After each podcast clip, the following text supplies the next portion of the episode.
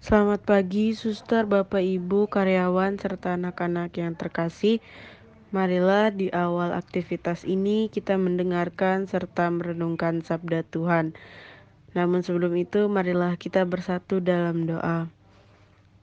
Dalam nama Bapa dan Putra dan Roh Kudus. Amin. Allah yang Maha Pengasih, kami sembahkan syukur kepadamu karena berkat dan penyertaanmu dari istirahat malam kami hingga pada pagi hari ini. Pada kesempatan ini kami akan mendengarkan serta merenungkan sabdamu. Semoga apa yang kami dengarkan, apa yang kami renungkan dapat kami wartakan di mana pun kami berada. Inilah doa dan permohonan kami demi Kristus Tuhan dan pengantara kami. Amin. Inilah Injil suci menurut Lukas. Dimuliakanlah Tuhan. Pada waktu itu Yesus tiba di Yerusalem dan masuk ke bait Allah. Maka mulailah ia mengusir semua pedagang di situ. Ia berkata, "Ada tertulis, rumahku adalah rumah doa." Tetapi kalian telah menjadikannya sarang penyamun. Tiap-tiap hari Yesus mengajar di bait Allah. Para imam kepala dan ahli Taurat serta orang-orang terkemuka bangsa Israel berusaha membinasakan Yesus. Tetapi mereka tidak tahu bagaimana harus melakukannya, sebab seluruh rakyat terpikat kepadanya dan ingin mendengarkan Dia. Demikianlah Injil Tuhan. Terpujilah Kristus. Pada Injil hari ini, berbicara tentang Yesus mengusir pedagang dan menentang keras bait Allah yang digunakan sebagai tempat para penyamun.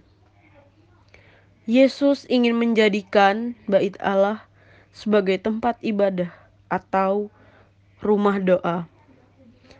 Berbicara tentang tempat ibadah yang terlintas pada pikiran kita pasti ialah gereja dan gereja sendiri memiliki pengertian, yaitu umat. Maka secara tidak langsung, bait Allah sesungguhnya adalah diri kita sendiri.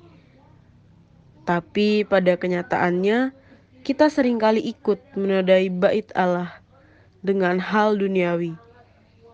Seperti gila hormat, berpikir atau berprasangka buruk terhadap orang lain, serakah, hanya memikirkan harta dan kekayaan, dan lebih banyak lagi yang bisa mengotori hati dan pikiran kita sebagai bait Allah.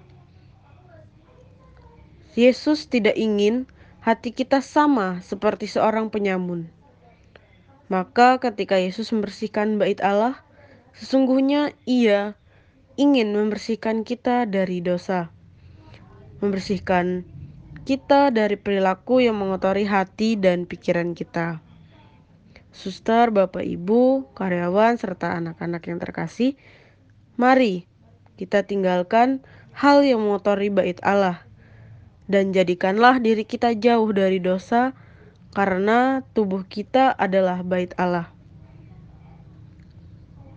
Akhir dari renungan singkat ini sebagai refleksi dan direnungkan pada diri kita, apakah kita bisa menjaga bait Allah dengan baik? Marilah kita berdoa.